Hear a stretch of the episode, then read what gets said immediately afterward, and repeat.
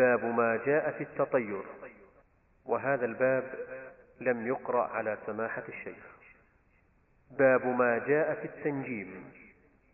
قال البخاري في صحيحه قال قتادة خلق الله هذه النجوم لثلاث زينة للسماء ورجوما للشياطين وعلامات يهتدى بها.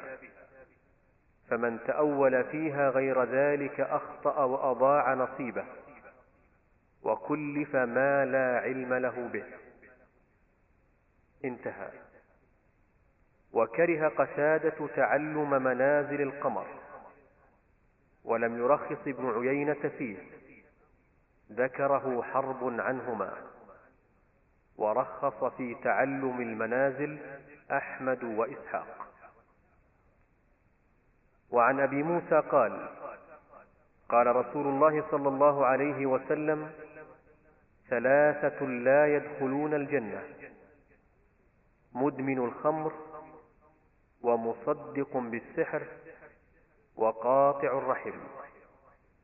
رواه أحمد وابن حبان في صحيحه. كتاب التنجيم من كتابه كتاب التوحيد.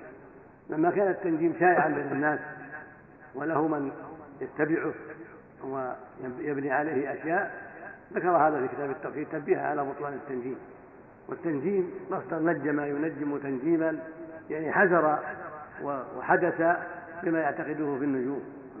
والتنجيم هو الاستدلال بالأحوال الفلكية على الحوادث الأرضية كما تنجيما يعني النظر في النجوم واجتماعها واشتراقها وطلوعها وغروبها وتقاربها وتباعدها يستدلون به على أن يقع كذا في الأرض ويقع كذا ويقع كذا وهو باطل. وهو من دعوى علم الغيب الباطلة التي أبطل الله أبطلها الله في قوله سبحانه قل لا يعلم من في السماوات والأرض الغيب إلا الله. وفي قوله سبحانه ولله غيب السماوات والأرض. الآية المقصود أن التنجيم من دعوى علم الغيب وهو الاستدلال بالأحوال, الفلكية على الحوادث الأرضية. هذا هو مقصود المؤلف من هذا الباب بيان التحذير منه. أما النظر في النجوم من باب التسجيل من منازل القمر حتى تعلم الأوقات أوقات الصلوات وحتى تعلم القبلة وتعلم الطرقات هذا لا بأس به كما قال أحمد وإسحاق. وإن كرهه قتادة وكرهه ابن ولم يرخص فيه لكن الصواب جواز. تعلم المنازل لمعرفة جهات القبلة في الأسفار والبلدان ولمعرفة أوقات الصلوات عند الغيب وعند الحاجة إلى ذلك هذه أمور لا بأس بها. ولأوقات معرفة أوقات الحراسة أوقات الفلاحة التي يحصل فيها كذا في وقت كذا وفي وقت كذا كل هذا لا بأس به. قال قتادة خلق الله هذه النجوم لثلاث قتادة بالدعامة بالكسر الدوسي السدوسي من من كبار التابعين يعني التابعين معروفين رواية عن جماعة من الصحابة وهو من الثقات المعروفين. كره قتادة تعلم منازل القبر قال قتادة خلق الله النجوم ثلاث زينة للسماء يعني خلقها زينة للسماء ورجوما للشياطين وعلامات يهتدى بها. فمن تأول في غير ذلك يعني وزعم أنها تدل على كذا أو كذا من علم الغيب فقد أخطأ وأضاع نصيبه يعني من الآخرة. وتكلف بلا علم له. قال الله جل وعلا ولقد زينا السماء الدنيا من مصابيح وجعلناها رجوما للشياطين. قال تعالى وعلامات بالنجم هم يهتدون. قال سبحانه ولجعل لكم النجوم تهتدوا بها في ظلمات البر والبحر. هذا هو علم المنازل من التسيير هذه من فوائدها. وأما الاستدلال بها على أنه يولد كذا ويكون ملك كذا ويزول ملك كذا ويحدث كذا هذا كله لا بل هو باطل. ولهذا قال وكره قتادة المذكور تعلم المنازل في القمر. ولو يخص ابن عيينة فيه وهو سفيان بن عيينة المعروف. الإمام المشهور متوفى سنة 98 و100 هذا قول لهما وهو ضعيف مرجوع عند أهل العلم. ورخص بتعالى المنازل أحمد وإسحاق أحمد بن حنبل وإسحاق بن راهوية. وذلك لا بأس به كما تقدم. من منازل سير منازل القمر والشمس يعرف بها الأوقات أوقات الصلوات وجهات القبلة وجهات المياه وطرق البلاد وما أشبه ذلك.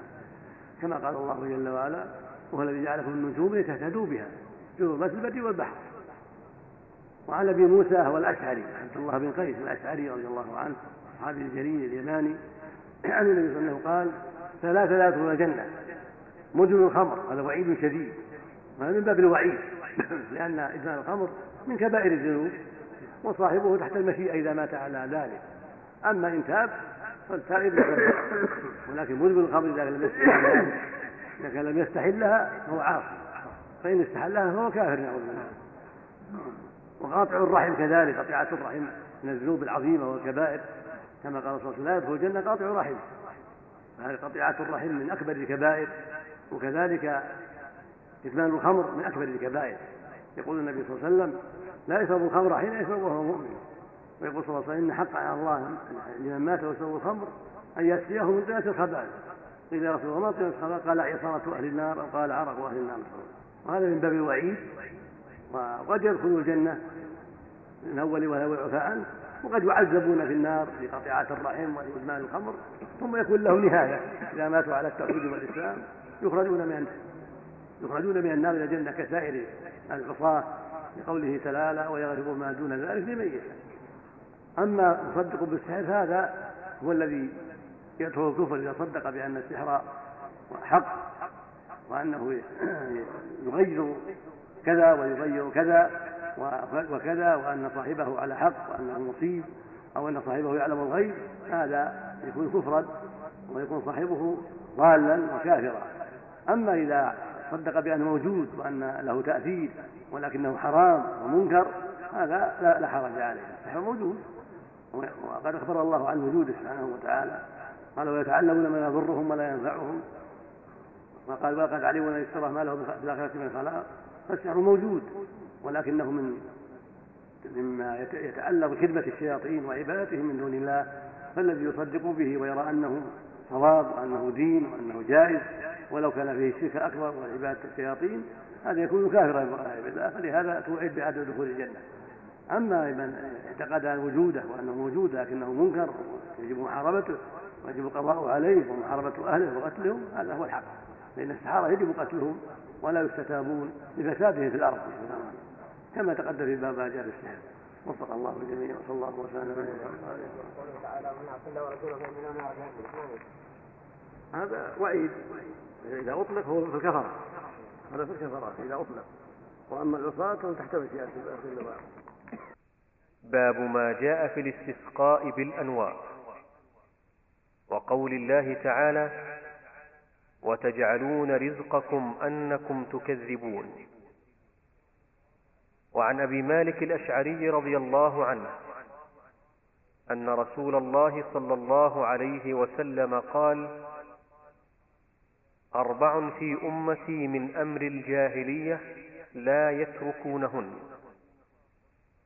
الفخر بالأحساب والطعن في الأنساب والاستسقاء بالنجوم والنياحة. وقال النائحة إذا لم تتب قبل موتها تقام يوم القيامة وعليها سربال من قطران ودرع من جرب. رواه مسلم. باب ما جاء في الاستسقاء بالأنواع. الاستسقاء طلب السقيا. طلب المطر يعني طلب الغيث والاستسقاء شرعه الله عز وجل بطلبه سبحانه والضراعة إليه والاستغاثة به أن يغيث العباد عند وجود الجد والقحط. بدلا مما عليه أهل الشرك من الاستسقاء بالنجوم وطلبها والضراعة إليها والميل إليها والتعلق بها. شرع الله للعباد أن يدعوا ربهم عند وجود القحط ويسألوه الغيث والمطر حتى يزيل ما بهم من جلب وحاجة. وشرع لذلك الصلاة مستقلة وشرع لذلك الاستسقاء بدون صلاة وبعد وفي الخطب خطب الجمعة وغيرها كله ضراعة إلى الله وكله دعوة له سبحانه وتعالى وتوجه إليه بخالص الدعاء حتى يغيثهم أما الكفار فكانوا يستسقون بأنواع وهي النجوم وهي ثمانية وعشرون نوعا. ينزلها القمر والشمس في مدارهما القمر في الشهر والشمس في السنة. يقال لها أنواع ويقال لها النجوم. وكان من سنة الجاهلية الاستسقاء بها والاستغاثة بها وهذا من شركهم وضلالهم وجهلهم. قال تعالى فلا أقسم واقع النجوم إلى آخره قال وتجعل رزقكم أنكم تكذبون. أخبر سبحانه أنهم جعلوا حظهم ونصيبهم تكذيبهم بما أخبر الله به وأنه منزل المطر وأنه مغيث وأنه الذي بيده التصرف فجعلوا يسألون النجوم ويستغيثون بها ويستسقون بها بزعمهم أنها واسطة. وأنها تفعل ذلك بإذن الله. فكذبهم الله وبين سبحانه وتعالى أنه الذي يسقي ويغيث وليس عند هذه النجوم شيء من هذا. فوجب على أهل الإيمان الأخذ بما بينه الرسول صلى الله عليه وسلم والتمسك به واطلاع ما عليها من جاهلية ولهذا قال عليه الصلاة والسلام أربع في أمتي حديث أبي مالك الأشعري قال أربع في أمتي من أهل الجاهلية. لا يتركونهن. الفخر بالأحساب والطعن في الأنساب والاستسقاء بالنجوم والنياحة وقال النائحة إذا لم تتق على موتها تقام يوم القيامة يعني من قبرها وعليها سربال من قطران سربال ثوب لباس ودرع من جرب عقوبة لها عند قيامها من القبر غير عقوبة النار نسأل الله العافية. هذا يبين لنا أن هذه الأمور الجاهلية وأن الغالب على الأمة عدم تركها وأن يوجد فيها هذا الشيء. أربع في أمتي من أمر الجاهلية لا يتركونهن. يعني لا يزال في الناس من يتعاطاها ويتأسى بالكفر. الفخر بالأحساب أنا ولد فلان وأنا كذا وأنا كذا يحتج به على باطله أو على ما يدعيه من الأمور يتعظم بها ويقهر بها على الناس. والأحساب ما يكون للآباء من مآثر من شجاعة أو جود وكرم. أو ما أشبه ذلك من التي تعد كرامة للرجل.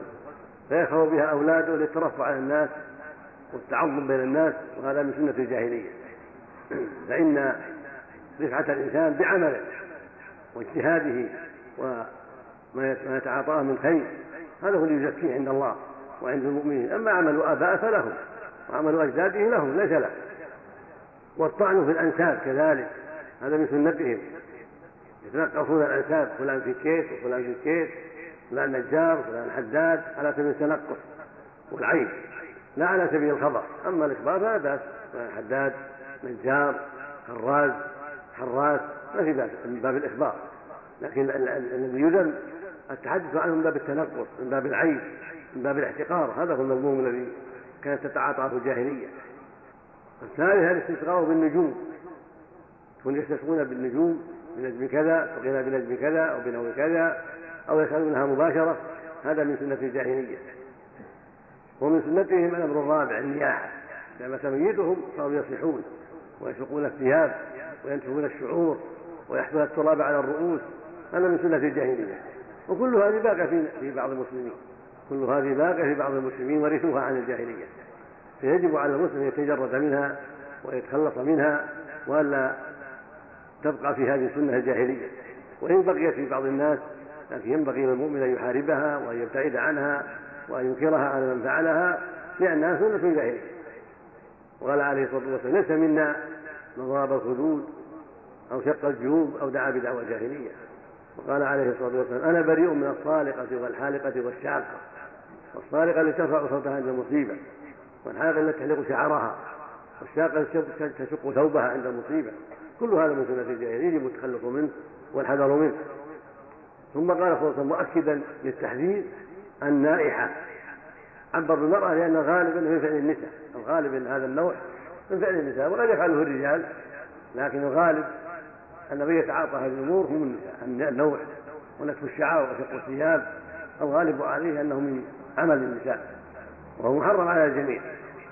وقال النائحة إذا لم تتب قبل موتها تقام يوم القيامة. وعليها سلبال من قطران لأنه يكون أشد في اشتعال النار نعوذ بالله. والأذى إذا كان من القطران. وذرع من جرب يكون فيه الأذى والحكة والشر على من من لبس هذا الدرع والحاصل من هذا أنه بيان لسوء عاقبتها وسوء منقلبها وسوء انتشارها من قبلها نسأل الله العافية. في هذا العمل السيء. إلا أن تتوب فمن تاب تاب الله عليه. من تاب من الذنوب من الشرك أو المعاصي تاب الله عليه. ولهذا قال إذا لم تتب قبل موتها. فالتوبة تكون قبل الموت.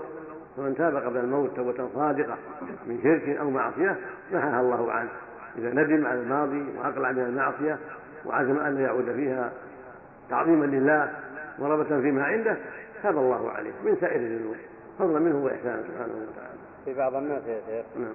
إذا كان الإنسان مثلا ما هوش من حسب نسب ولو أن الجن تحفظ القرآن ما يتزوجها. هذه أمور عادية بين الناس. إذا كان هو على احتقار قد قد يأبى عليه قومه وجماعته قد يعيفونه وقد يؤذونه لا بأس. لأن العرب والعجم والموالي قد يأخذ بعضهم من بعض وقد لا يأخذ بعضهم من بعض. فالأمر في هذا واسع. فهو جائز إذا أخذ من الموالي أو من يسمى بني خضيد أو من العجم. فلا بأس إذا تزوج منهم أو صاهر أو عاشرهم أو اتخذهم أصدقاء لإيمانهم وتقواهم هذا هو الحق. لأن الدين دين الله. يسوي بين العجمي والمولى والعربي والقرشي والهاشمي والقحطاني هذا هو الحق الأخوة الإيمانية. لكن لو ترك الهاشمي نكاح مولى مولاة أو عجمية خوفا من أذى قومه أو لأسباب أخرى لا بأس. لا لا للاحتقار. نعم. موضوع الذبح بعض القرى. يذبحون في رؤوس الجبال للجن من أجل المطر.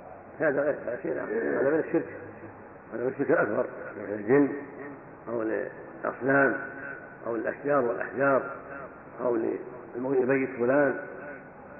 هذا هو دين الجاهلية نسأل الله العافية. ذبحوا جهم المطر ولو ابتلاء وامتحان قد يكون ابتلاء وامتحان هذا من ما يبتلى به الناس نسأل الله العافية. نعم.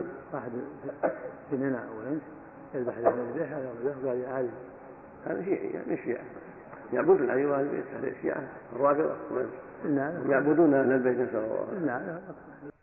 ولهما عن زيد بن خالد رضي الله عنه قال صلى لنا رسول الله صلى الله عليه وسلم صلاة الصبح بالحديبية على إثر سماء كانت من الليل. فلما انصرف أقبل على الناس فقال هل تدرون ماذا قال ربكم؟ قالوا الله ورسوله أعلم. قال قال أصبح من عبادي مؤمن بي وكافر. فأما من قال مطرنا بفضل الله ورحمته فذلك مؤمن بي كافر بالكوكب. وأما من قال مطرنا بنوء كذا وكذا فذلك كافر بي مؤمن بالكوكب. ولهما من حديث ابن عباس بمعناه وفيه قال بعضهم لقد صدق نوء كذا وكذا فأنزل الله هذه الآية فلا أقسم بمواقع النجوم إلى قوله تكذبون. هذا الحديث الصحيح عن زيد بن خالد الجهني في باب ما جاء باب ما جاء في الاستسقاء بالأنواع. تقدم حديث أبي مالك الأشعري وأن من سنة الجاهلية وأخلاقهم الاستسقاء بالأنواع في النجوم. قولهم مطلنا بنوع كذا لقد صدق نوء كذا وأن الرسول أنكر ذلك وبين بطلانه. وأن الله جل وعلا هو الذي يسقي العباد وينزل المطر. ويغيث العباد سبحانه وتعالى الأنواع فالأنواع ليس لها تصرف في ذلك وإنما خلقها الله زينة للسماء ورجوما للشياطين وعلامات يهتدى بها في البر والبحر. وهذا الحديث حديث موسى يبين هذا المعنى. حديث زيد بن خالد الجهني رضي الله عنه. يقول صلى لنا الرسول صلى الله عليه وسلم في ذات ليلة على إثر سماء من الليل أو الصبح وعلى إثر سماء على إثر مطر. سمي المطر من سماء لأنه ينزل من جهة العلو من جهة السماء. فلما انصرف من صلاته أقبل على الناس. كانت هذه عادته صلى الله عليه وسلم إذا سلم انصرف إلى الناس. يقول أول أستغفر الله ثلاثا اللهم أنت السلام ومنك السلام. تباركت يا ذا الجلال والإكرام. ثم ينصرف إلى الناس ويعطيهم وجهه ويقابلهم عليه الصلاة والسلام. ويكمل الأذكار الشرعية التي بعد الصلاة. فلما انصرف إليهم وأعطاهم وجهه قال لا تدرون ماذا قال ربكم وعظهم وذكرهم. وقال في ذلك أتدرون ماذا قال ربهم الليلة. قالوا الله ورسوله أعلم. هذه عادة الصحابة. إذا سئلوا عما لم عما لم يعلموا يقول الله ورسوله. أعلم هذا هو الواجب على كل إنسان لا يعلم. إذا سئل أن يقول الله أعلم. أو يقول لا أدري. وفي حياة النبي صلى الله عليه وسلم يقول الله ورسوله أعلم. يعني يأتي الوحي من السماء. فلهذا يقول الله ورسوله أعلم. أما بعد وفاته فيقال, الله أعلم. لأنه صلى الله عليه وسلم بعد وفاته لا يدري ماذا يحدث انقطع الوحي ولا يدري ماذا يحدث في الناس. ولهذا يقال يوم القيامة حين يؤخذ بعض الناس عن حوضه عليه الصلاة والسلام فيقول أصحابي أصحابي فيقال إنك لا تدري ما أحدثوا بعدك. إنهم لم يزالوا مصدقين على قلب منذ فرقتهم قال فأقول كما قال عبد الصالح وكنت عليه شهيدا ما دمت فيهم. فلما توفتني كنت أنت الرقيب عليهم وأنت على كل شيء شهيد. فهو لا يدري ماذا يقع بعده من الناس إلا ما يعرض عليه كصلاتنا عليه عليه الصلاة والسلام؟ فإنه قال صلوا علي وإن صلاتكم حيث كنتم عليه الصلاة والسلام. فيقول الإنسان إذا سئل عما لا يعلم بعد وفاة النبي يقول الله أعلم أو لا أدري. وهذا من العلم هذا من الأدب أن يقول لا أدري لما لا يعلم ولا يتكلف ولا يقول بغير علم. ولهذا قال بعض السلف نصف العلم لا أدري. لأن العلم شيئان شيء تعرفه وشيء لا تعرفه أدري نصف العلم. فقال الله ورسوله أعلم. قال قال إن الرب عز وجل أصبح من عبادي منهم بقعد من هذه الليلة التي فيها المطر. أصبح منهم كافر ومنهم مؤمن. فأما من قال مطرنا بفضل الله ورحمته فذلك مؤمن به. كافر بالكوكب مؤمن بالله. لأنه مثل الأمطار ومغيث العباد سبحانه وتعالى وهو من فضله عز وجل ورحمته حيث أغاثهم وفضل عليهم هذا من فضله سبحانه وتعالى. وأما من قال مطرنا بنوء كذا وكذا فذلك كافر بيوم بالكوكب هذا يبين لنا أنه لا يجوز أن يقال مطرنا بنوء كذا وأنه من أنواع الكفر. ولا يقال صدق نوء كذا عند المطر صدق نوء كذا ولا استقينا بنجم كذا ولا بنوء كذا ولكن يقال مطرنا بفضل الله ورحمته. اللهم طيبا نافعا كما بينه النبي عليه الصلاة والسلام. وقوله مطرنا بنوء كذا إن أراد بذلك أن النوء هو الذي أحدث المطر أو المصرف في الكون هذا كفر أكبر أعوذ بالله. وإن قال مطرنا بنوء كذا وكان ظن منه أنه سبب فهذا أيضا من أنواع الكفر وإن كان كفر الأصغر لإطلاق الحديث عليه مطرنا بنوء كذا يعني بسبب نوء كذا. فليس له تسبب بل بل هو كله بل كله من الله عز وجل. فالكوكب لا يحدث ولا ينزل مطرا وليس بسبب. وإنما هو ظرف من الظروف تقع تقع فيه الحوادث كما تقع في الأيام والليالي. وهو ظرف وليس بمحدث ولا بمستبد. ولهذا أنكر الرب عز وجل على من قال ذلك. فلا يزال يقال مطرنا بنوء كذا. ولو أراد أنه ظرف لا يقول لا يعبر بهذا التعبير أما إذا قال مطرنا في وقت كذا مطرنا في الصيف مطرنا في الشتاء مطرنا في زمن الربيع مطرنا في وقت الثريا في وقت كذا لا بأس من باب الإخبار عن الوقت. أما بنوع كذا فلا يجوز لإطلاق النهي عن ذلك عن النبي صلى الله عليه وسلم وعن الله عز وجل. وهكذا قول لقد صدق نوع كذا هو من هذا الباب حديث ابن عباس فلا يجوز. ولكن يقول بطلنا بفضل الله ورحمته. ثم أنزل الله فيها قوله تعالى فلا أقسم بواقع النجوم. إلى قوله فبهذا أنتم مدينون وتجعل رزقكم أنكم تكذبون.